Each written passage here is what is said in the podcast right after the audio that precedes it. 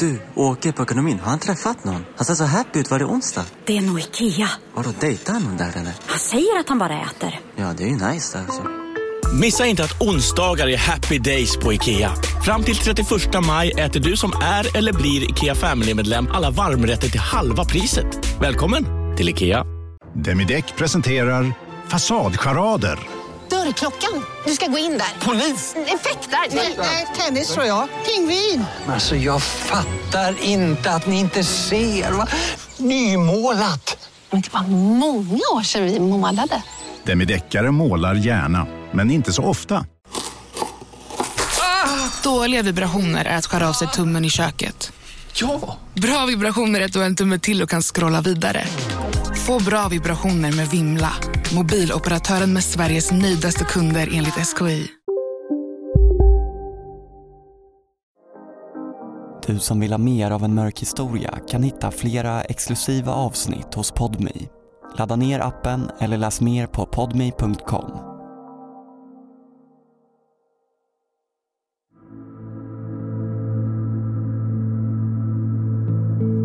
Efter att i månader stått och stampat har polisens utredning, tack vare vittnena Julia och Elias, fått ny fart.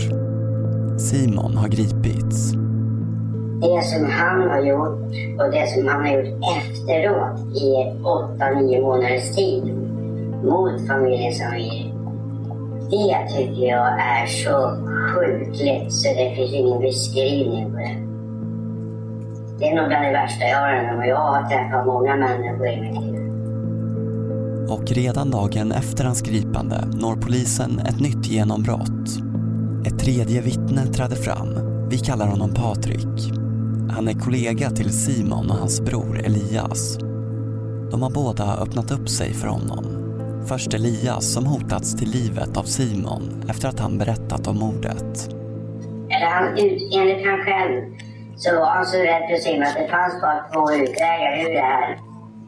Och det var antingen att ta med sig han i en bil och köra in i ett broräcke som inte ligger så långt därifrån eh, med Simon som passagerare.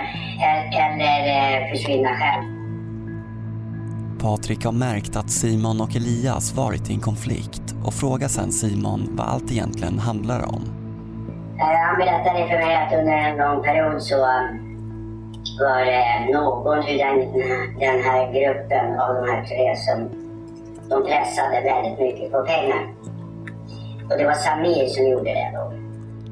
Gruppen Patrik pratar om är Simon, Niklas och vännen Fabian.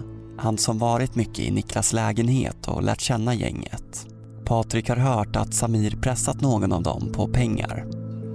Eh, men grej, skillnaden i det här det var att de andra visste ju inte att eh, en del av de här pengarna gick ju till Simon. De delade ju på det här.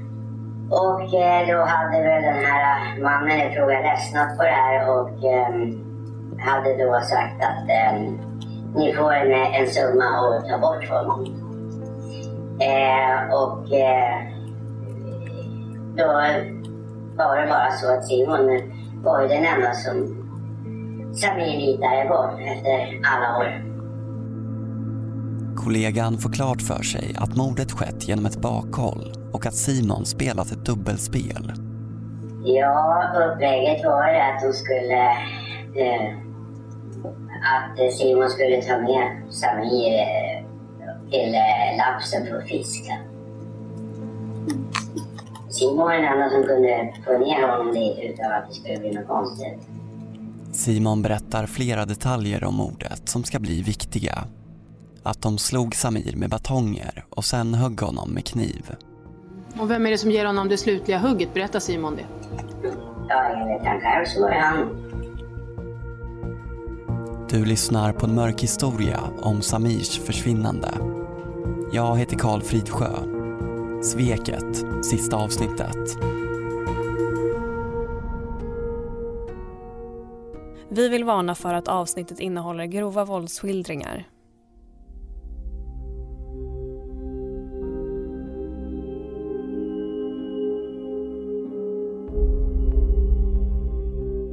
Det har nu kommit uppgifter från flera håll om att det ska varit tre förövare på platsen. Det visar sig att Niklas, som pekats ut av vittnet Julia, har anmälts som försvunnen hos polisen av sin familj. Det sker den 8 oktober 2017, dagen för Samirs sista livstecken. Nu frihetsberövas även han. Och det visar sig att både Simon och är personer som då känner Samir oerhört väl som barndomen. Så att eh, det får en liten absurd vändning där man får veta eh, alltihopa det här. Niklas berättelse leder till Fabian som frihetsberövas två dagar senare. Alla tre vänner som nu gripits nekar till all inblandning. Nu påbörjar Ove Dahlberg en intensiv period av förhör efter förhör med de misstänkta. Ja, det, man kan ju lätt, det kan ju lätt åskådliggöra för det är svårt att få en samstämmig bild. I och med att man inte har någon teknisk bevisning så kan säga att du har varit med varit där, du har varit här och du har varit där. Så är ju, är ju att lita på och förhålla sig till i första hand deras uppgifter. Och sen så använder de uppgifterna emot vad de andra säger. Det görs även husransakningar hos de misstänkta och analyser av deras bankkonton, kortköp och arbetstider. Till slut medger alla tre att de varit med vid Lafssjön den 8 oktober 2017. Och tillsammans med vittnesmålen börjar ett händelseförlopp växa fram.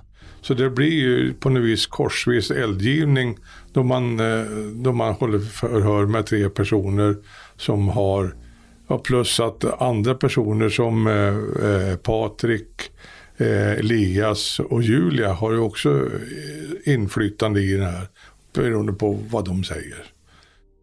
Men det finns ett stort problem. De tre misstänkta ger olika versioner av vad som sker de kritiska minuter då Samir mister livet. En av Simons versioner handlar om att han har åkt dit med Samir för att hjälpa honom att gräva ner droger på ett gömställe och att Samir i samband med det blir mördad av några som Simon inte vill säga namnet på. Niklas har en annan version. Han berättar att han har varit med ute vid Lafsjön han berättar att, det kanske är längre fram i utredningen, men i varje fall att eh, han har slagit honom och att den som har knivhuggit honom, att det är Niklas menar att det är Fabian som hållit i kniven och inte han själv. Även Fabian nekar inledningsvis till inblandning men börjar senare berätta. Han, har inte, han säger att han inte varit nere överhuvudtaget nere vid badplatsen förrän det var dags att flytta kroppen. Så han har varit delaktig i själva hanteringen av eh, paketeringen och du måste bära ner kroppen till vattnet. Han säger att han under mordet hållit vakt uppe vid parkeringen för att se så ingen från allmänheten kom till platsen. Därefter har han tvingats att ta hand om Samirs döda kropp. Även om de misstänkta lämnar tre olika versioner erkänner de delar av sin medverkan vid lafsen då Samir dog. Ove har också noggrant kontrollerat de tre vittnenas uppgifter. Det de här människorna verkligen har sagt, det är ju direkt ifrån hästens mun på något vis. Och därför så är det ju av största vikt egentligen att, att deras uppgifter, dels så, så vitt man kan kontrollera.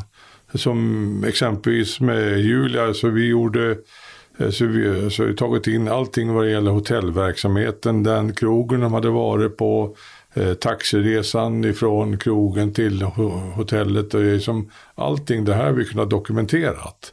Vilket gör då att, att sanningshalten på hennes utsaga är ju hög vill jag påstå. Också vittnena Elias och Patriks utsagor är verifierade så gott det går. Men trots polisens gedigna arbete finns en oro inför rättegången.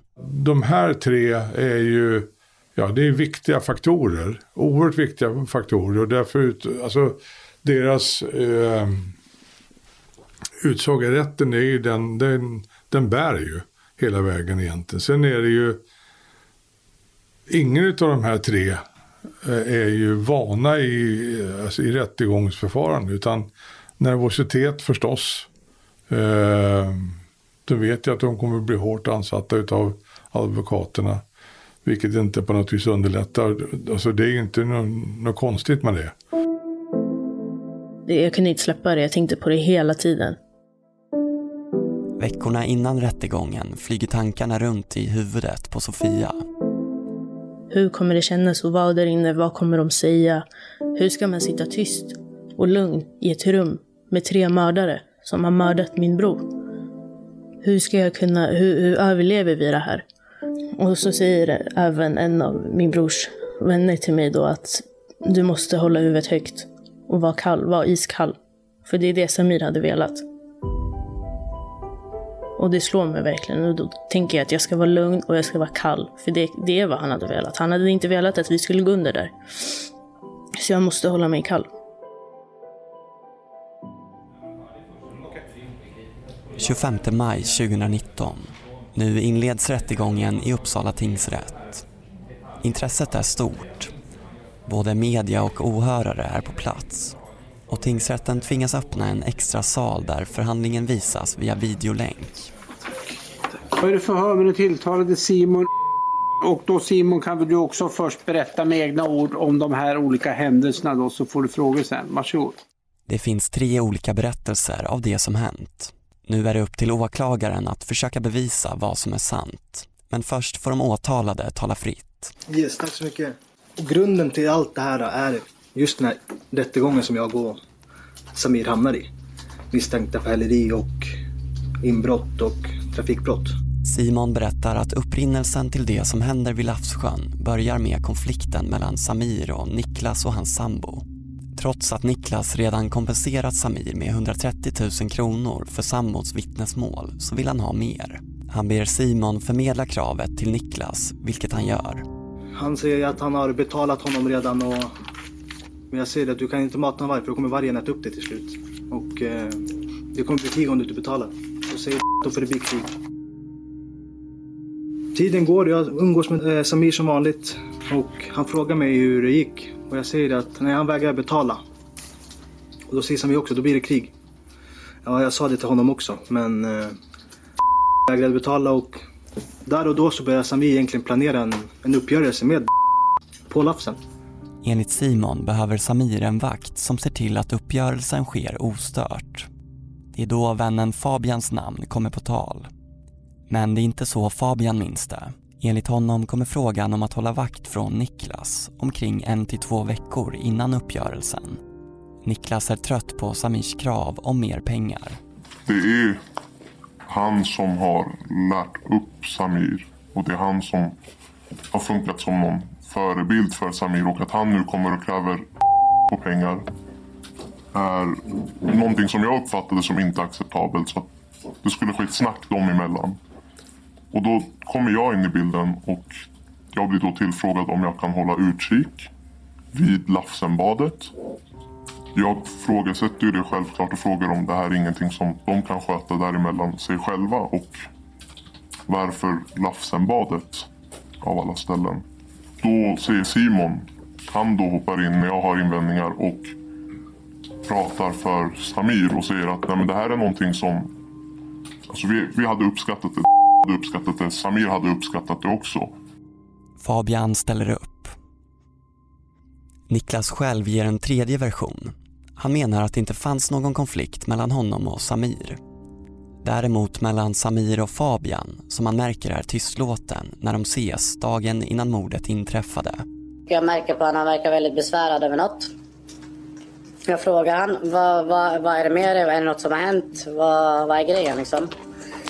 Eh, han berättade då att han och Samir hade hamnat i en konflikt.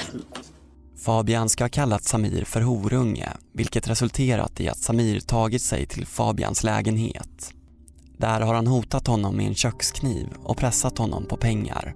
Då börjar Simon egentligen prata om att han och Samir ska träffas imorgon, alltså den 8 oktober.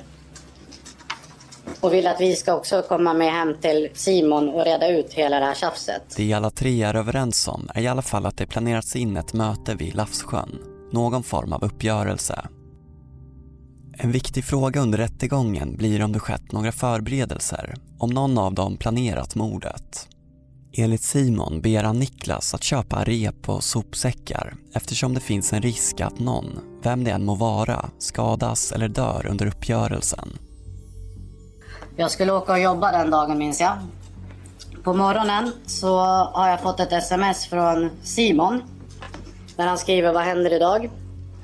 Jag skrev att jag skulle jobba. Vi hör Niklas ge sin version av repinköpet. Då skickade han ett MMS till mig på ett rep. Och det var tydligen ett båtrep. Där han frågade kan du, kan du gå till Biltema och köpa det här repet till mig efter jobbet? Jag frågade även han vad ska du med det till? Och vad jag minns så skrev han att han skulle fiska med sin mor och han behövde det till en båt. Niklas frågar varför Simon inte kan köpa repet själv men får svaret att han ju ändå jobbar nära Biltema.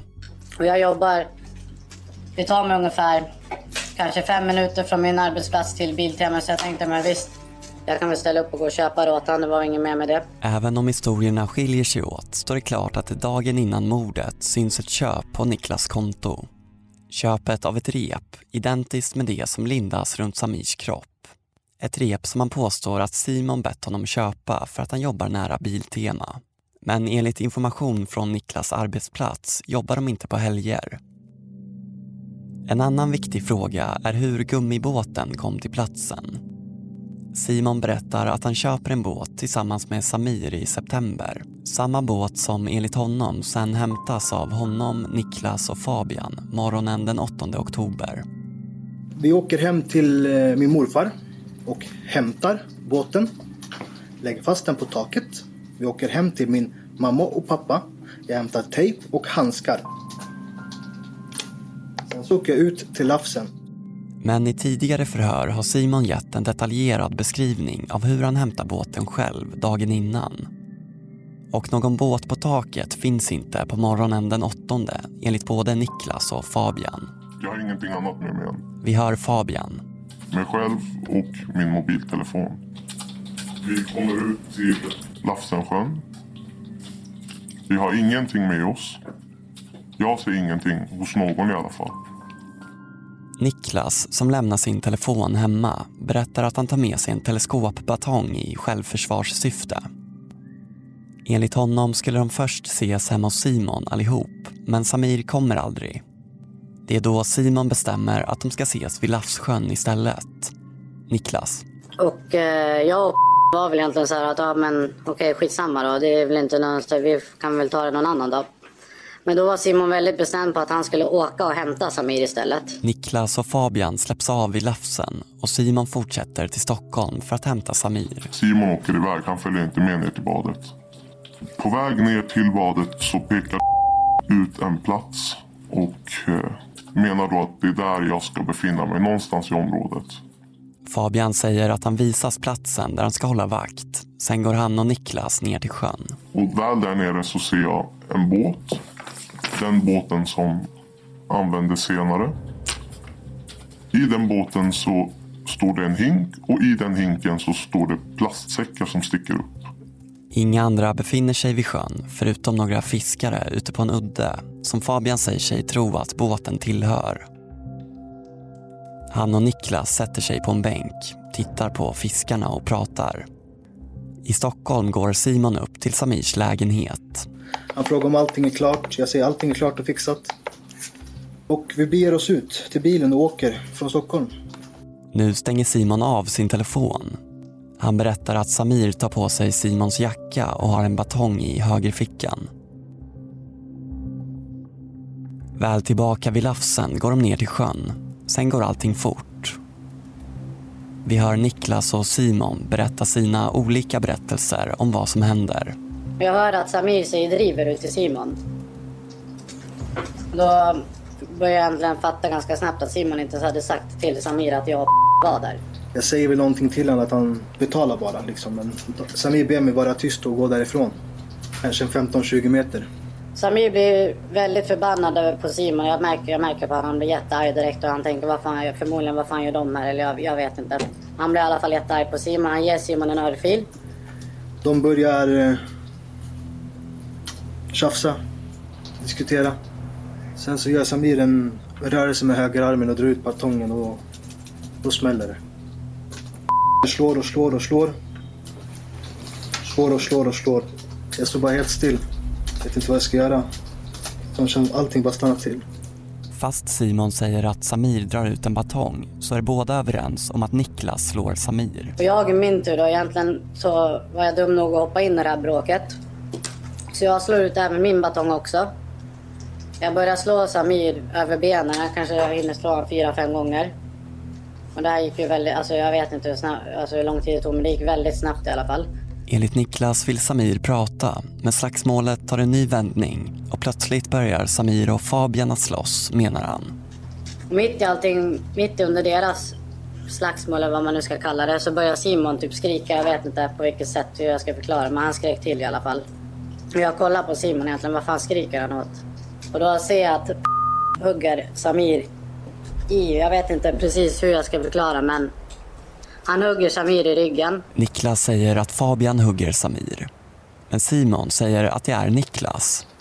Samir hamnar på mage, blir huggen i ryggen och i nacken och då skriker jag till. Samir vänder sig på sig om och har armen upp i luften. Sista han säger är Jag är klar, jag är klar, du har vunnit, låt mig andas. Bara sig går ner och hugger honom i bröst och halshöjd. Samir dör. De är alla överens om att ingen gör några återupplivningsförsök och ingen ringer ambulans. Fabian ger ingen berättelse av hur mordet gått till. Han menar att han stått i skogen, spelat spel och lyssnat på musik i 30-40 minuter tills han hör Niklas ropa på honom. Han följer med ner till stranden och får då ett par handskar av Niklas. Och han uttrycker sig som att vi måste lösa det här. Och jag frågar då vad, är det vi ska lösa för någonting? Fabian får inget svar på den frågan men ser att Samir är skadad. Och eh, hans tillstånd var väl, ja, milt sagt så var han riktigt illa. Fabian protesterar men får höra att han inte kommer komma därifrån om han inte hjälper till. När han tittar på Samirs skador inser han att Niklas menar allvar. Han var ju blodig. Han var ju blodig ordentligt från näsan ner mot... Eh, ner mot mun och hals och vidare ner mot halsen. Alltså det var blod över hela. Fabian berättar att han sen tillsammans med Niklas börjar ta hand om Samirs kropp. Något Niklas nekar till. Den packas in i sopsäckar som fylls med sand och tejpas ihop. Simon berättar att han sen sänker kroppen i sjön. När de är tillbaka uppe på parkeringen igen ser Fabian hur Simon och Niklas byter om och packar ihop sakerna som används. Och kniven tillsammans med det här fodralet. Batongerna, hinken, kläder som byts om. Allting läggs ner i den här svarta sopsäcken. Den här svarta sop Om en yogamatta är på väg till dig, som gör att du för första gången hittar ditt inre lugn och gör dig befordrad på jobbet men du tackar nej för du drivs inte längre av prestation. Då finns det flera smarta sätt att beställa hem din yogamatta på. Som till våra paketboxar till exempel. Hälsningar Postnord. Bara på Storytel. En natt i maj 1973 blir en kvinna brutalt mördad på en mörk gångväg. Lyssna på första delen i min nya ljudserie. Hennes sista steg av mig, Denise Rubberg. Inspirerad av verkliga händelser. Bara på Storytel. Ni har väl inte missat att alla takeaway förpackningar ni slänger på rätt ställe ger fina deals i McDonalds app. Även om skräpet kommer från andra snabbmatsrestauranger. Exempelvis... Åh, oh, sorry. Kom, kom åt något här. Exempelvis... Förlåt, det är något skit här. Andra snabbmatsrestauranger som... Vi, vi provar en talning till. La, la, la, la, la. La, la, la, la. Säcken åker då in i bagageluckan. Båten den binds fast på taket. Och vi, vi beger oss därifrån. Niklas släpps av längs vägen medan Fabian och Simon åker mot Stockholm med Samirs telefon och hemnycklar. De vill få bort spåren från platsen. Hans hemnycklar kastas ut från förarsidan. Tror jag minns rätt om jag säger att det var på väg till Stockholm. I Stockholm uppmanas Fabian att ta sönder Samirs telefon. Och det var exakt så det blev. Jag hoppade ut. Jag tog sönder Samirs telefon och jag slängde Samirs telefon i en papperskorg. Niklas köper samtidigt mjölkchoklad, cola och cigg på vägen hem. Ovetande som att hans familj blivit så oroliga över vart han varit att de anmält honom som försvunnen. När jag väl kommer hem så är både min sambo där, båda mina föräldrar där. Alla är väldigt upprörda och undrar var jag varit någonstans. På morgonen sa han att han skulle gå och träna. Nu förklarar han att han varit hos en vän och meckat med bilar. Klockan är halv sju på kvällen när hans mamma hör av sig till polisen och säger att han är tillbaka, oskadd. De tre vännerna berättar samstämmigt om att de dagarna efter mordet ses och bränner upp en del av sakerna som använts.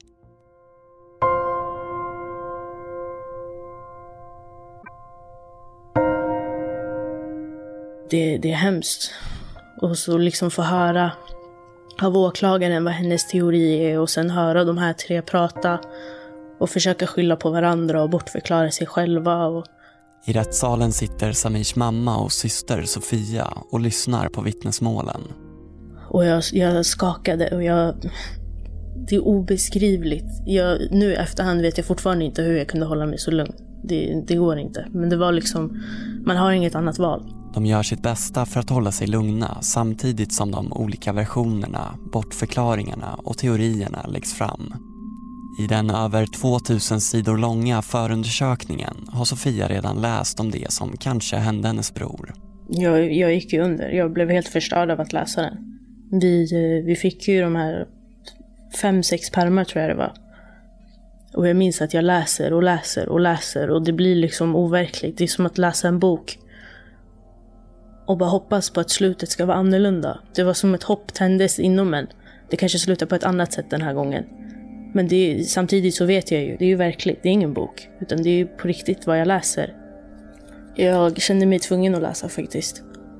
För att även om, om jag vet ju att det är så mycket lögner, men samtidigt så är det, det var det närmsta jag kunde komma sanningen om vad som hade hänt. Efter att de åtalade fått lämna sina berättelser av händelseförloppet pressas de av såväl åklagaren som advokaternas frågor. Fabians advokat Sargon de Basso är fundersam om de pengar som Niklas lånat för att ge till Samir. Och utveckla det, hur det kommer sig. För att jag tror inte att de flesta tycker att det är så vanligt att man betalar 130 000 kronor för någon eh, för att ens sambo har lämnat uppgifter. Det var en väldigt dum överenskommelse men jag ansåg att den var rimlig för att han var min vän. Okay. Och det var inte så att han bötfällde dig på någonting? Nej. Hade han bötfällt mig så hade jag inte gett honom en krona. Då hade jag gått till polisen. Det hade du? Ja. Okej. Okay. Trots att det var din vän så att säga? Ja. Det hade du gjort. Och det, det var inte så att du upplevde att det var liksom, fanns ett visst mått av förnedring i att lilla Samir som du en gång har växt upp med kommer och liksom sätter en prislapp på att du ska betala 130 000 kronor? Ja, alltså, jag skulle inte påstå att jag såg honom som lilla Samir utan att egentligen så var det mer en vän. Som okay. gjorde, gjorde en överenskommelse helt enkelt. Men längre in i rättegången blir det mer otydligt vem Niklas anser sig vara vän med och inte. Han har känt Samir sedan barnsben men ändå följer han med till Lafsen för att hjälpa Fabian. Och enligt han själv då ser Fabian mörda Samir Advokat Basso vill reda ut vart Niklas lojalitet ligger. Varför är du med överhuvudtaget? Jag vet inte. Jag tyckte väl synd om jag ville hjälpa honom att reda ut det. Okej, okay, men var det inte Samir som var din kompis? Nej. Var ni ovänner på något sätt? Nej. Och varför upphörde kontakten precis eftersom du uttrycker det att de här betalningarna skedde och så vidare. Då var det av vänskap och sen nu den 8 oktober så, så är du liksom helt likgiltig. Du är varken vän eller ovän med honom. Är det någonting som har hänt däremellan? Nej, det är inget som har hänt däremellan. Att bedöma sanningshalten i de misstänktas berättelser blir den stora utmaningen för rätten. Till sin hjälp har de framförallt de tre huvudvittnenas berättelser. Men det finns vissa punkter där det är bevisat att Niklas version inte stämmer. Åklagaren Elin Blank frågar om dagen innan mordet, lördagen den 7 oktober, då Niklas köpte repet. Det här repet handlade du vid två tiden på på eftermiddagen tror jag det var. Ja, jag minns inte tiden. Strax efter 14. Det kan nog stämma. Mm. Eh, och sen så beskrev du att du kom hem. Eh, och ni var utanför hos dig. Ja. Det är precis efter att Niklas köpt repet som han säger att han möter upp Simon och Fabian. att det är då han får reda på konflikten mellan Fabian och Samir som börjat i att Fabian kallat Samir horunge. Enligt Niklas upprinnelsen till mordet. Är du säker på att det var de båda som var där då? Jag är säker. Du vet ju att det framgår i utredningen att jobbar den här dagen. Ja, jag har sett det, men han var där. Problemet med Niklas berättelse är att Fabian är på sitt jobb den aktuella dagen. En annan besvärande omständighet för Niklas är att han lämnat sin telefon i hemmet under morddagen. Man förstår ju på din familjs reaktion och det man hör i de här samtalen till polisen att det hände ju aldrig att du la- lämnade ifrån dig telefonen överhuvudtaget. Det händer då och då att jag gör det. Däremot tar han med sig en batong ut till Lafssjön. Visste de andra att du hade med dig den? Nej, inte då. Utan att jag tror jag berättade när jag var hemma hos Simon. Var det någon av dem som hade något tillhyggen med sig? När vi var på Lafsen. Simon hade en batong. Just då visste inte jag att hon hade en kniv på sig. Men den såg jag i hans hand i alla fall. Han högg. Men det var inget prat om att det alltså, ens existerade en kniv innan det. Enligt Niklas hade Fabian kniv medan Samir var obeväpnad. Det finns alltså mycket som talar emot Niklas berättelse. Men enligt två av huvudvittnena är det varken han eller Fabian som delar ut det dödliga knivhugget utan de pekar ut Simon. Att han ska ha gjort det mot betalning. 250 000 kronor enligt hans egen bror. Vi hör Simon. Är det taget ur luften eller har du sagt så? Så jag blir osäker att jag har sagt någonting att jag ska ha fått pengar till de där för att göra det. De framställer mig som att jag är kåt på pengar liksom. Mm. Är du inte det då? Det kan jag inte påstå. Brodern får aldrig veta vem betalningen kommer från. Men han vet att Simon spenderat pengar på sin lägenhet, lagt nytt golv och köpt nya möbler. Under rättegången berättar han om ett tillfälle när han sitter i Simons kök. Vad kostar den här lampan? frågar jag Simon. Ja, spelar det roll? Det är pengarna kommer från en annan. Att det här skulle vara pengar för att döda Samir förnekar Simon i rätten. Jag har fått pengar för att skydda Jag har inte fått pengar för att jag tog bort Samir. För det var inte jag som tog bort Samir. Han menar att han bara mottagit pengar från Niklas för att skydda honom. Och att Niklas senare även betalat honom för att lägga över skulden på Fabian. Okej, och i vilket läge har han gett dig pengar för det då? Efter kroppen hittades. Och hur mycket pengar handlar det om? 15-20. Hur tänkte du sen när du kom in till polisen då? Jag var stressad. Vad berättade du för något? Jag drog en historia. Du hittade på en historia? Mm. I polisförhören har Simon lämnat flera olika versioner av det som hänt. Men han har aldrig skyllt på Fabian, trots att han säger sig ha fått pengar för det. Han menar att Fabian bara är en bricka i spelet.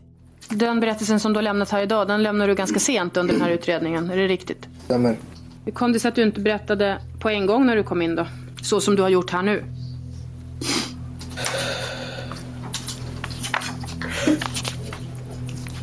Det kommer aldrig något svar på åklagarens fråga utan Simon vidhåller att han fått betalt för att skylla på Fabian.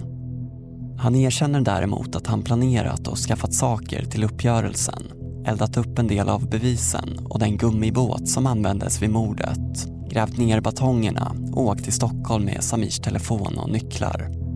Till slut skaffade han också en dykardräkt då det blev tal om att plocka upp Samirs kropp för att bränna den efter att isen smält. Men du Simon, det är lite svårt att förstå utifrån hur du har beskrivit din roll, eh, din kontakt med Samir före det här. Som en av dina bästa vänner och som du har känt hela livet nästan. Varför medverkar du överhuvudtaget till den här träffen vid Lapsen? Där du säger att du visste att det kunde gå åt helvete för någon av de här som skulle kriga på liv och död. Jag säger att jag, jag medlade mellan de två i början och sen... Jag säger att jag var chaufför och att jag skulle hålla koll så att det inte gick överstyr men det gick överstyr och jag vågade inte ingripa riktigt. Du står 15-20 meter bort och tittar på när Samir blir slagen och huggen och du gör ingenting. Nej. När vi ändå är inne på det, du kanske kan kommentera hur du sen har agerat efteråt i förhållande till Samirs familj. Jag har ljugit för hans familj, ja. Kan du säga lite högre? Jag har ljugit för hans familj och undanhållit dem sanningen. En annan sak som Simon ljugit om, men nu, sent i rättegången, berättar är hur ofta han faktiskt varit tillbaks vid Lafsen där allt hände. Ja, en gång i veckan ungefär när min flickvän har jobbat kväll. Varför? Jag visste att han var där. Saknade honom. Fabian som menar att han varit vid Lafsen för att hålla utkik och sen tvingats ta hand om Samirs kropp kontaktar inte polisen för att berätta om det han varit med om. Han har känt sig hotad och menar att hans del i undanröjandet av bevisningen inte är straffbart eftersom att han handlat i nöd. Det finns inte någon känsla av att jag kan ta mig ur. Alltså, antingen så går jag därifrån och det var min tankegång då. Att jag går därifrån, jag blir dödad på plats. Eller jag går därifrån, jag blir dödad senare. Eller att jag hjälper till och blir dödad. Eller så hjälper jag till och kommer undan med livet i behåll. Efter mordet är han så rädd för sitt eget liv så att han gömmer lappar i sin lägenhet om vart han ska och namnen på dem han ska träffa ifall något händer honom. Jag har gömt de här lapparna i alla möjliga tänkbara ställen som jag tänker att det här kanske man kollar ifall jag blir berövad på livet. Men kanske inte kollar vanligtvis ifall någon kommer in i mitt rum eller... Och det, det, kan, det kan vara allt ifrån jag skruvar upp min dator, lägger den i datorn eh, under musmattan eller i ett spelfodral. Lite udda ställen som jag, man normalt inte kollar men kanske kollar. En detalj som dock framstår som märklig är att Fabian säger sig se Samir och Simon komma till platsen när han står i skogen. Men utan att ge sig till känna för Samir. Var det en del av ett planerat bakhåll? Advokaten Leif Eriksson, som företräder Samirs familj, frågar Fabian om tillfället. Är din uppfattning då att, att både Samir och Simon, Simon är medvetna om att du ska vara där? Min uppfattning är att de vet att jag är där. Varför hälsar du inte på dem? För att jag antar väl att de vet att jag ska stå där. Fabian har inte träffat Samir på länge och i flera timmar väntat på att de ska komma till platsen. Det är lite märkligt tycker du? När Varför jag inte gick ner och hälsade? bara ropade och sa hejsan. Det kunde jag ha gjort. Jag kunde ha gjort det. Det är inte konstigt att du inte gjorde det. Jag tycker inte det är konstigt med tanke på att min tanke var att jag skulle träffa alla tre senare. Så det är inte så att Samir inte ska veta om att du finns där. Nej, jag gömde mig inte för Samir. Den 20 juni 2019 meddelas domen i Uppsala tingsrätt. Rätten konstaterar att en stor del av bevisningen i målet utgörs av de tilltalades berättelser och därför måste bedömas med största försiktighet. Men huvudvittnenas berättelser framstår som trovärdiga. Deras uppgifter har i huvudsak inte ifrågasatts av varken Simon eller Niklas. Spaningsledare Ove Dahlberg Informationen från Julia, Elias och Patrik är väldigt viktiga. Eh, gärningspersonernas egna berättelser är inte minst eh, viktiga. Eftersom de har ju faktiskt berättat om att de har varit där ute. De har slagit honom, de har knivhuggit honom. Eh, eller de har skyllt på varandra om man ska säga. Men i den här kretsen så har det varit då slag, alltså misshandel och knivskärning, paketering och sen har man sänkt honom ut i vattnet. Utredningen visar att mordet föregåtts av planering. Samir har befunnit sig i en skyddslös ställning på en enslig plats med flera emot sig. Allt talar för att Samir hunnit uppleva både lidande och dödsångest. Nu har också motivbilden klarnat. Det jag tycker är klarlagt i utredningen det är att, att, att motivbilden är pengar. Eh, gentemot vilka och mellan vilka, det är inte så knivskarpt hela tiden. Rätten kommer fram till att ett tänkbart motiv för mordet är att Niklas pressats på pengar av Samir. Det framstår inte som sannolikt att Niklas ska ha betalat 130 000 till Samir utan något som helst krav. Niklas döms till två år och åtta månaders fängelse för grov misshandel och brott mot griftefrid. Han frikänns från åtalet om mord och medhjälp till mord. Spaningsledare Ove Dahlberg hade önskat en längre dom på Niklas.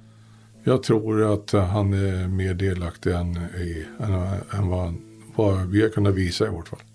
Det vi saknar tror jag eh, är teknisk bevisning faktiskt. Tingsrätten finner att det är Simon som hugger Samir med kniv. Det kan inte uteslutas att han fått ersättning för att döda Samir men det finns inga belägg för att det är Niklas som betalat honom. Simon döms till 16 års fängelse för mord.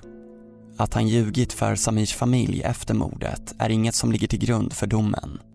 Att, att han vill skydda sitt eget skinn, det är alldeles uppenbart. Och det är ju inte så konstigt egentligen. Men å andra sidan så hade man ju inte, han hade inte behövt säga någonting egentligen. Utan bara finnas där. I sådana fall. Eh, men det är förbannat magstarkt. Det är ruggigt magstarkt. Eh, att bete sig som han har gjort. Fabian döms till fängelse i ett år för medhjälp till misshandel och skyddande av brottsling. Han frikänns från medhjälp till mord och brott mot griftefrid då det inte kunnat motbevisas att han befunnit sig i en akut nödsituation. Domen överklagas senare och fastställs av hovrätten. Simon överklagar då till Högsta domstolen men beviljas inte prövningstillstånd.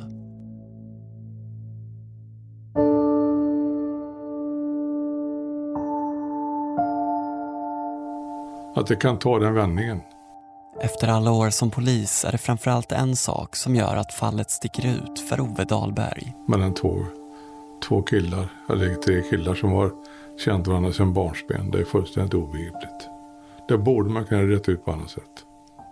Trots en lång utredning och rättsprocess tror Ove inte att sanningen om vad som faktiskt hände Samir ännu kommit fram. Jag tror inte att någon pratar sanning helt och hållet. Och vad som är rätt i detalj, det får vi aldrig veta, det tror inte jag. Inte heller Sofia och Samirs mamma känner att de fått svaren de så länge sökt.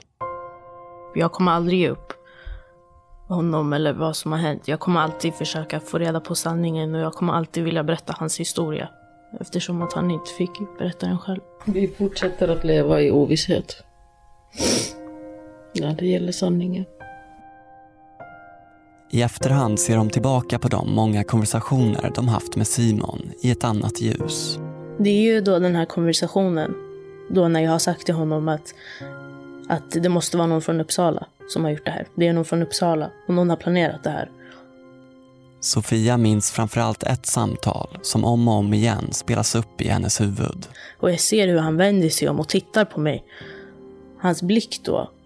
Och sen hur han så stressigt börjar prata om om nej, men Samir brukade vara i Lafsen, han sålde grejer, han var här och han var där och folk från Västerås och folk från Stockholm och allt det här. Och då, då började jag förstå lite varför han helt plötsligt började snacka så mycket skit och, och varför han blev så pass stressad. Hur kunde han leka att han är min extra son och samtidigt han har mördat min egen son. Jag, jag, får inte ihop det. Han behövde inte komma så nära mig och han behövde inte säga att han älskar mig. Att det där sveket och hur han lekte med mina känslor, det är fruktansvärt.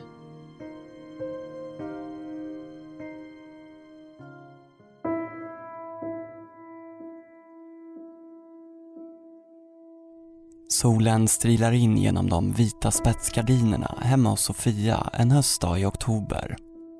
Han var den mest äkta personen jag någonsin har träffat.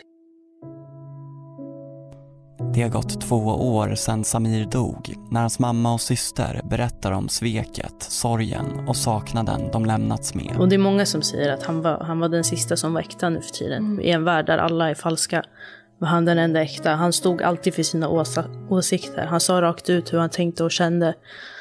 Han, han visste vad respekt var, han visste vad lojalitet var. Han har lärt mig allt om respekt och lojalitet och att stå upp för sig själv.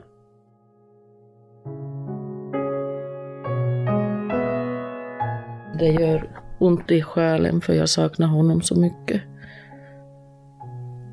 Det, det gör så ont. Livet utan sin bror och son är smärtsamt men familjen fortsätter att leva så som Samir hade velat. Samir var ju en krigare så vi hedrar hans minne. Vi krigar att orka fortsätta leva för det hade han velat att vi hade varit starka.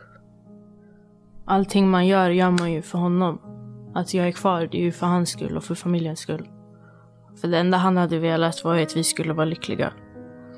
Och vid ett sms som han skrev till mig så sa han att han tänkte då att ibland kanske det var meningen att det skulle bli, bli som det blev. Att vi fick gå igenom så mycket när vi var små för att vi skulle klara av allt som hänt. Och det, ingenting i världen hade någonsin kunnat förbereda mig på det här. Men han skrev ju då till mig att vi är krigare du och jag. Krigare i själen. Och jag har lovat honom att jag ska fortsätta kämpa för honom och för familjen. Och därför är vi kvar här idag.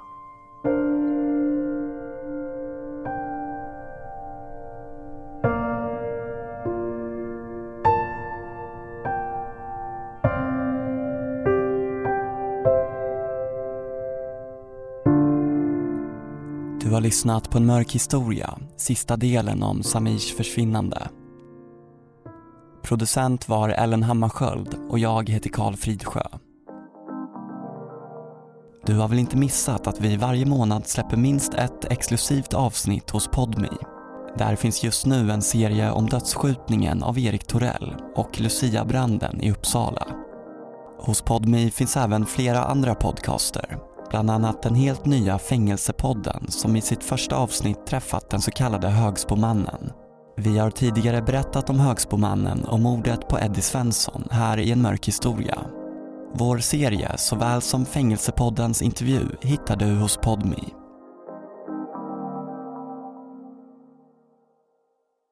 En mörk historia görs av produktionsbolaget Just Stories. Alla som inte förekommer i egenskap av yrkesperson är underrättade om avsnittets publicering.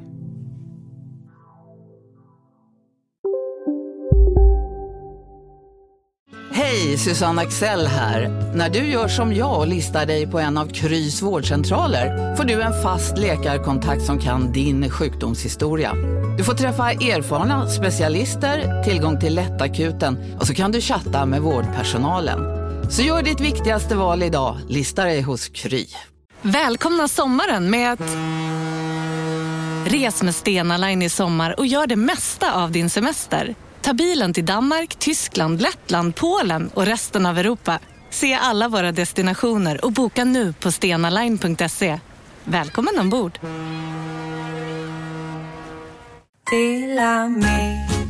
Hej! Är du en av dem som tycker om att dela saker med andra? Då kommer dina öron att gilla det här. Hos Telenor kan man dela mobilabonnemang. Ju fler ni är, desto billigare blir det. Skaffa Telenor familj med upp till sju extra användare. Välkommen till någon av Telenors butiker eller telenor.se.